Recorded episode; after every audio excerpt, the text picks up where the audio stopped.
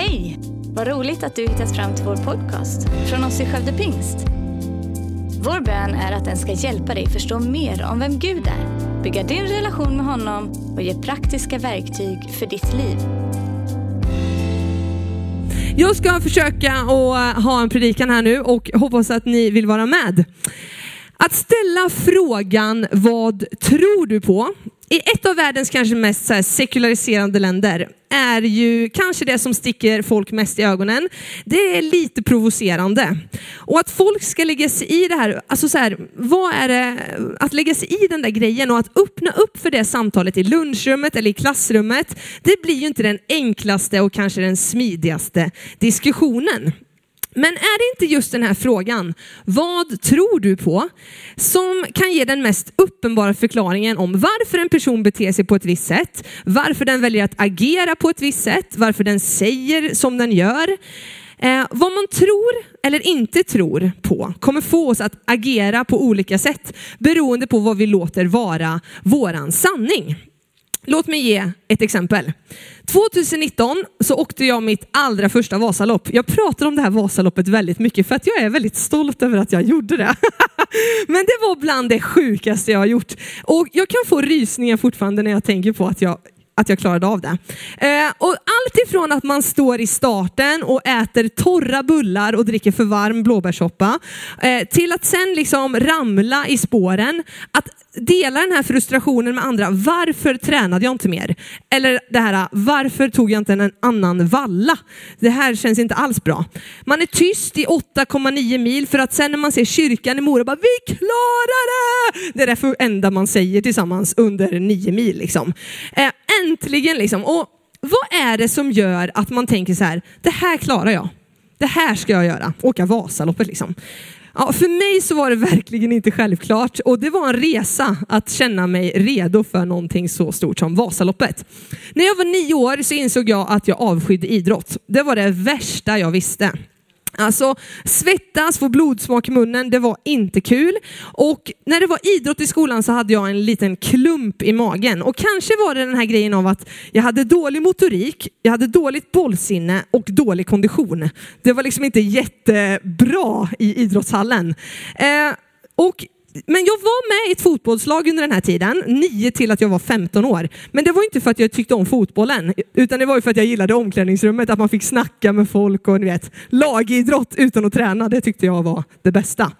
Eh, och sen under åren så tränade jag ju såklart, alltså, men det var, jag tyckte aldrig att det var roligt. Sen hände det någonting. Hösten 2016 så köpte jag ett par längdskidor. Inte för att jag behövde några, inte för att jag var tvungen, utan för att jag ville ge träningen en chans. Kanske kunde jag för en gångs skull tycka att någon typ av träning är kul. Och jag hade ett par kompisar under den här tiden som verkligen bara sålde in den här idrotten till mig. Bara, det är fantastiskt, det är så roligt.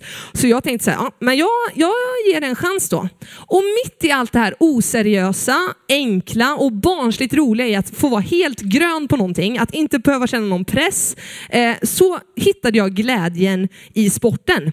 Jag insåg att jag kunde tro på det som jag hade hört under hela min uppväxt, att det kan vara roligt med idrott. Eh, det är bra för kroppen och man kommer faktiskt att må lite bättre om man tränar. Och helt plötsligt så fattade jag grejen och jag blev helt omvänd vad gällde synen på träning. Jag fick gå ifrån att vara så skeptisk till att verkligen omfamna det och tyckte det var så roligt. Det här för att ingen tvingade det på mig utan jag fick själv upptäcka det genom att vara nyfiken, uthållig och steg för steg liksom lära mig mer om det och våga tro på det. Eh, och jag tror att det här är nyckeln för att sen kunna anta en sån utmaning som Vasaloppet. Att det får vara ett eget beslut. Och att våga tro eh, och att våga liksom ta ett beslut kring vad du tror på och sen stå för det oavsett vilket område det är på. Det tror jag är oerhört viktigt. Varför då? Spelar det verkligen någon roll Ehm, och jag tror att det faktiskt gör det.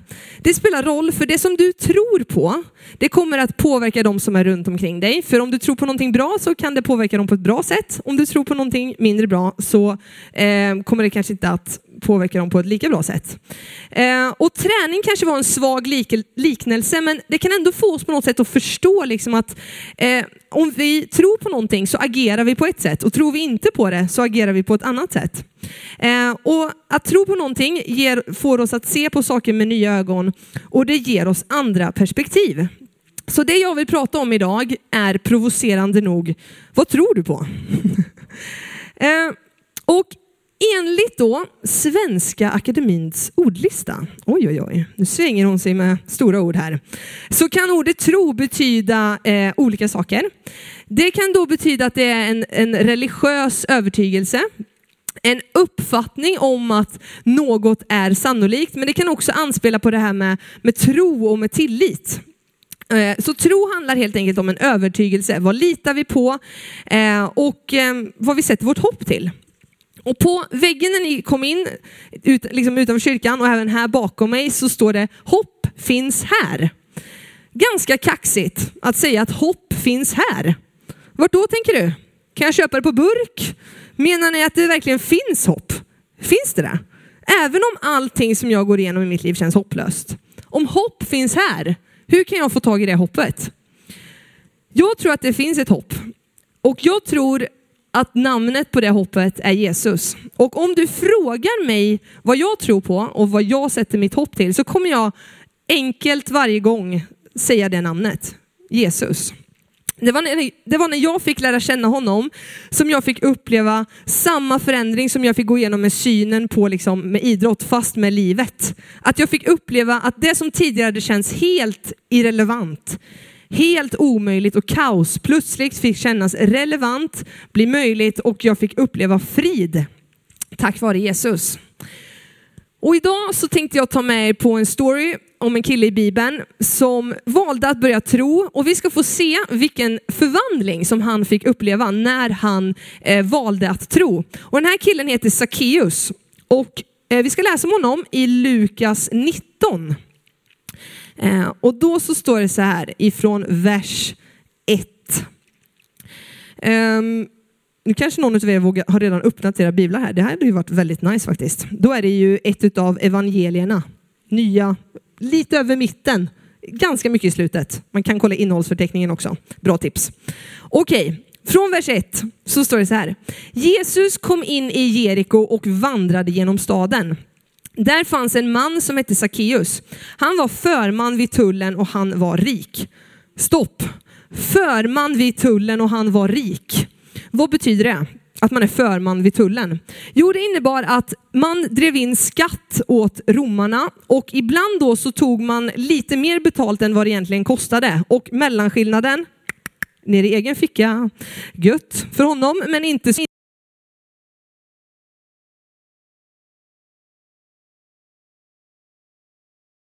han en tjuv helt enkelt. Så där vet, har vi lite vem Sackeus är då. Eh, inte så nice kille helt enkelt. Han ville se vem Jesus var, men kunde inte för folkets skull eftersom att han var liten till växten. Då sprang han i förväg och klättrade upp i ett mullbärsfikonträd för att se honom, eftersom Jesus skulle komma den vägen. När Jesus kom till det stället såg han upp och sa till honom, Sackeus, skynda dig ner, för idag måste jag gästa ditt hem. Sackeus skyndade sig ner och tog emot honom med glädje. Alla som såg det mumlade förargat, han tog in oss en syndare. Men Sackeus stod där och sa till Herren, hälften av det jag har här ger jag till de fattiga. Och har jag lurat någon på något betalar jag fyrdubbelt igen. Jesus sa till honom, idag har frälsning kommit till det här huset, för också han är en Abrahams son. Människosonen har kommit för att söka upp och frälsa det som var förlorat. Mötet som Jesus gör med Sackeus tycker jag visar verkligen vem Jesus är. Han söker gemenskap med oss oavsett, oavsett vilka vi är eller vart vi kommer ifrån. Och utifrån den här texten så skulle jag bara vilja skicka med tre grejer som jag tror att den här texten vill säga till oss. Och det första som jag vill eh, tala om är att Jesus vill gästa ditt hem.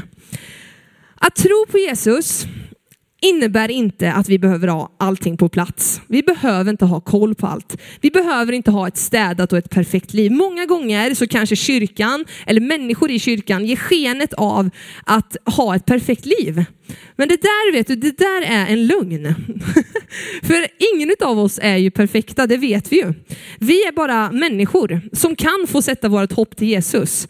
Eh, och Jesus, han vill komma och gästa ditt hem. I Uppenbarelseboken 3 och eh, 20 så står det så här, se, jag står vid dörren och knackar. Alltså Jesus. Om någon hör min röst och öppnar dörren ska jag gå in till honom och hålla måltid med honom och han med mig. Jag vet inte hur det är i, hemma hos er, men hemma hos mig så är jag uppvuxen med att har man gäster, då ska det städas. Det ska städas och putsas överallt. Man ska kunna öppna exakt varenda dörr och det ska vara fint där inne. Och när, när mamma städade på Smedsgården 1, no mercy alltså, det var då, alltså vet du det, mopp och dammvippa. Det var liksom dammsugning och sen var det våttork och sen liksom en sista touch och sen nya blommor och det var hej och hå. Och jag fattade inte när jag var tonåring. Varför måste vi städa så här noga? Det är ju så himla ovärt. Det är ju bara mina kompisar som kommer hem. Ja, men i mitt hus ska det vara så här och bla bla bla, ni vet. Ni har nog hört det. Ni känner kanske igen er, någon av er. Men även om jag inte fattade det då, liksom, varför måste det vara så här fint när det kommer hem gäster? Så måste jag ändå erkänna att jag tycker det är ganska trevligt nu när man är, har flyttat hemifrån att ha det lite fint. Och jag kan ju, det är en jobbig insikt att inse att mamma har rätt. Att det här att, ni vet, ja, men om du håller efter lite så är det ju lättare sen när du ska städa. Ja, det är ju så, rackarns. Och många av oss har ju såna här äh, mammor och det är ju härligt på något vis. Även om man liksom tycker att det kanske är jobbigt jobbigt där och då när man ska städa. Men att leva sådär med ett ständigt städat hem, det fungerar ju till viss del och det fungerar oftast när man har liksom, alltså främmat och gäster. Eh, men ibland så händer livet. Ibland så går det sönder och man orkar inte längre ha det sådär fint. Vardagen händer. Har vi människor som vi vågar släppa in då? Ändå liksom. Människor som vi vågar vara sårbara med och som får se alla våra sidor som får komma in mitt i det här ostädade kaoset.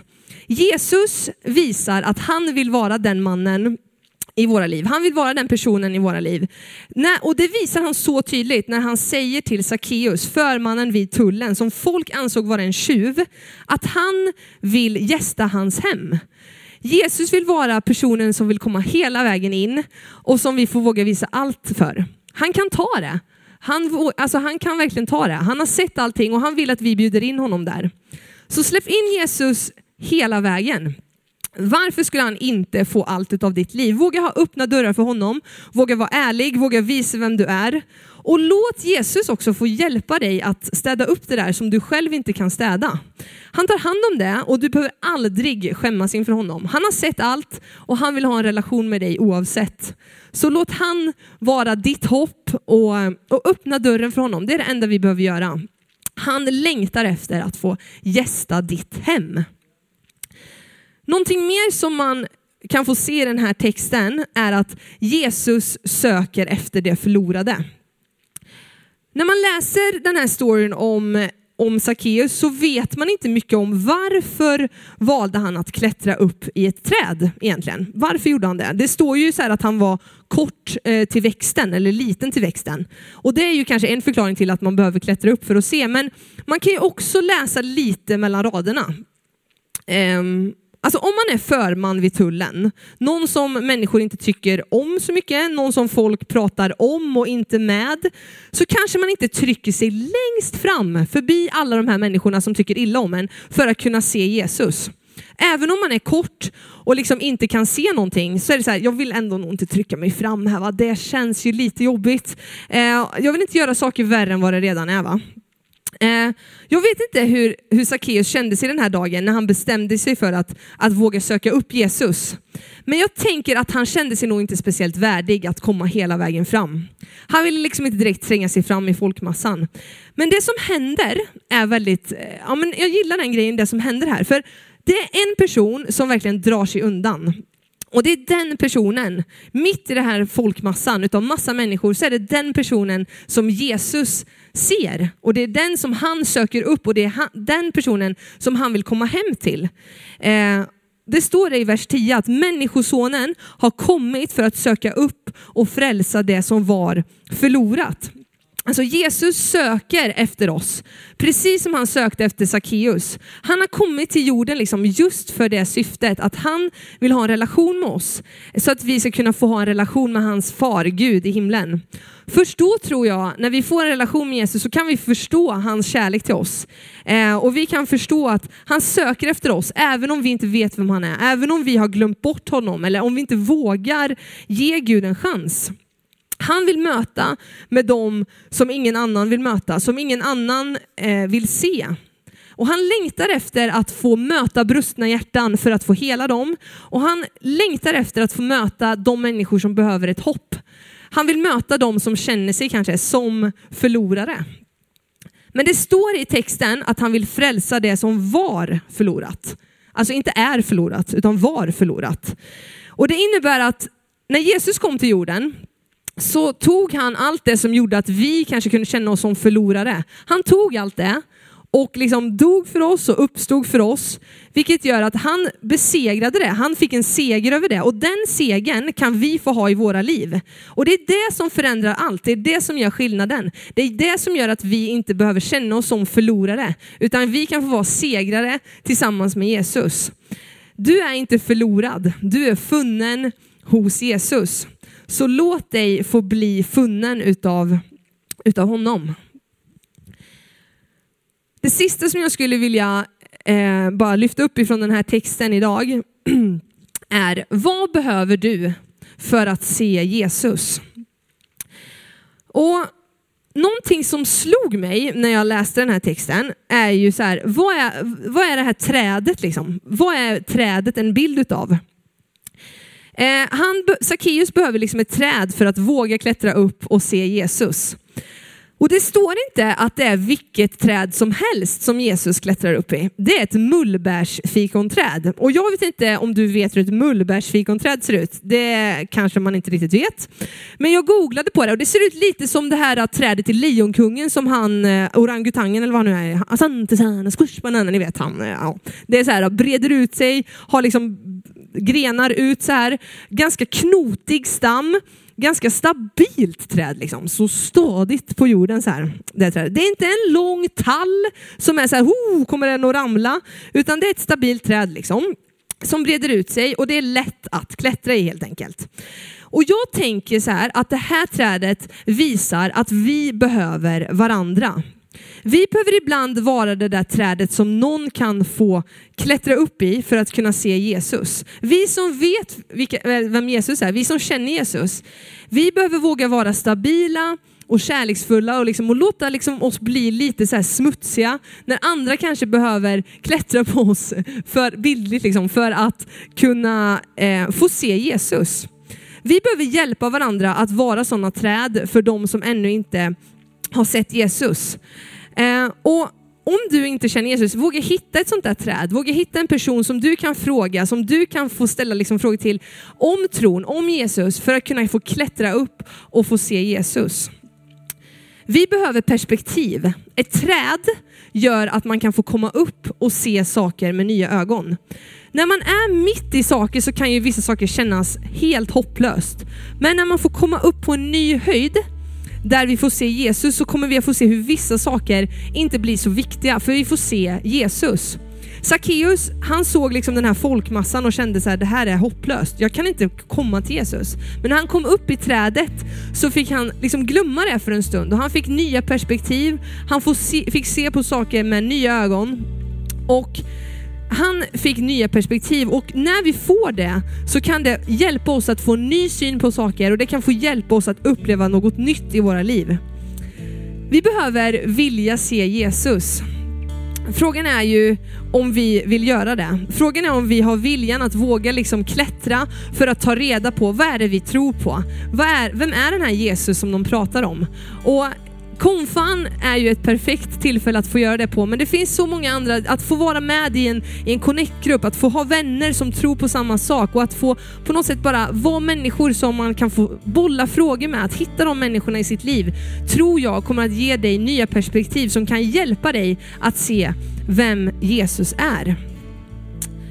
Den här storyn tycker jag talade till mig. Jag hoppas att den eh, på något sätt kunde få lyftas ut här och få tala till dig också idag. Eh, men frågan, vad tror du på? Ja, den frågan den kommer konfirmanderna eh, kunna bearbeta under det här året. Ni kommer få låta den frågan bli, få bli aktuell och våga kanske ta ett beslut kring det också. Vad är det vi tror på egentligen? Men för alla oss andra som inte får möjligheten att gå konfa så är det kanske det här en fråga man gärna undviker. Eller så svarar man bara ja, Gud eller nej, ingenting utan att det får varken mer eller mindre påverkan på oss. Men jag skulle vilja uppmuntra och utmana dig att verkligen fundera, kanske för första gången eller för hundrade gången, vad är det du tror på? Inte för att du måste, inte för att, inte för att liksom någon säger liksom att du måste det, men utan för att du får. Och för att du kanske kan få uppleva, precis som jag gjorde med träningen, att det kan få vara någonting för dig. Att den kan få vara någonting som kan få hjälpa dig, någonting som kan få ge dig hopp och frid. Att Jesus kan få vara någon i ditt liv. Jesus han förvandlar liv genom att, att vara ett hopp för de som behöver, frid för de som upplever kaos och sanning för de som bara har hört lögn. Och kanske är det dags nu att våga ta steget och börja tro. Kanske är det så att det är dags att inse att även om du inte har alla svaren så kan du ändå få ge Jesus en chans.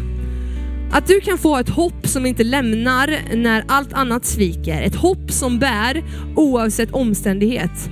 Och vill du ta del av det hoppet så handlar det om att vi kan få bjuda in Jesus i våra hjärtan. Att han kan få flytta in där. Han vill gästa ditt hem. Han vill bo i ditt hjärta. Och det enda som du behöver göra det är att säga ja till honom. Och jag skulle vilja uppmuntra dig att våga göra som Sackeus. Våga släpp det där som har varit. Våga släpp alla fel du kanske känner att du har gjort. Det som du tycker är jobbigt att visa för någon annan. Våga släpp vad människor ska tycka och våga klättra upp och se Jesus. Om du idag vill liksom ta första steget att, att klättra upp för att se Jesus så, så vill vi i den här kyrkan vara det trädet som du kan få klättra på. Vi vill finnas här för dig, vi vill stötta och hjälpa dig. Och det du behöver göra det är att säga ja. Tack för att du lyssnat. Dela gärna podden med dina vänner och glöm inte att prenumerera så du inte missar nästa predikan. Om du har några frågor eller vill att vi ska be eller tacka för något tillsammans med dig så får du gärna höra av dig till kyrkan skövdepingst.se. För oss är veckans höjdpunkt söndagens gudstjänst och det vore så kul att träffa dig där. Våra team finns då redo att ta emot dig och det finns även egna samlingar för barnen. Du hittar mer information om oss, vilka vi är och våra olika mötesplatser på skövdepingst.se. Gud välsigne dig och ha en fortsatt bra vecka.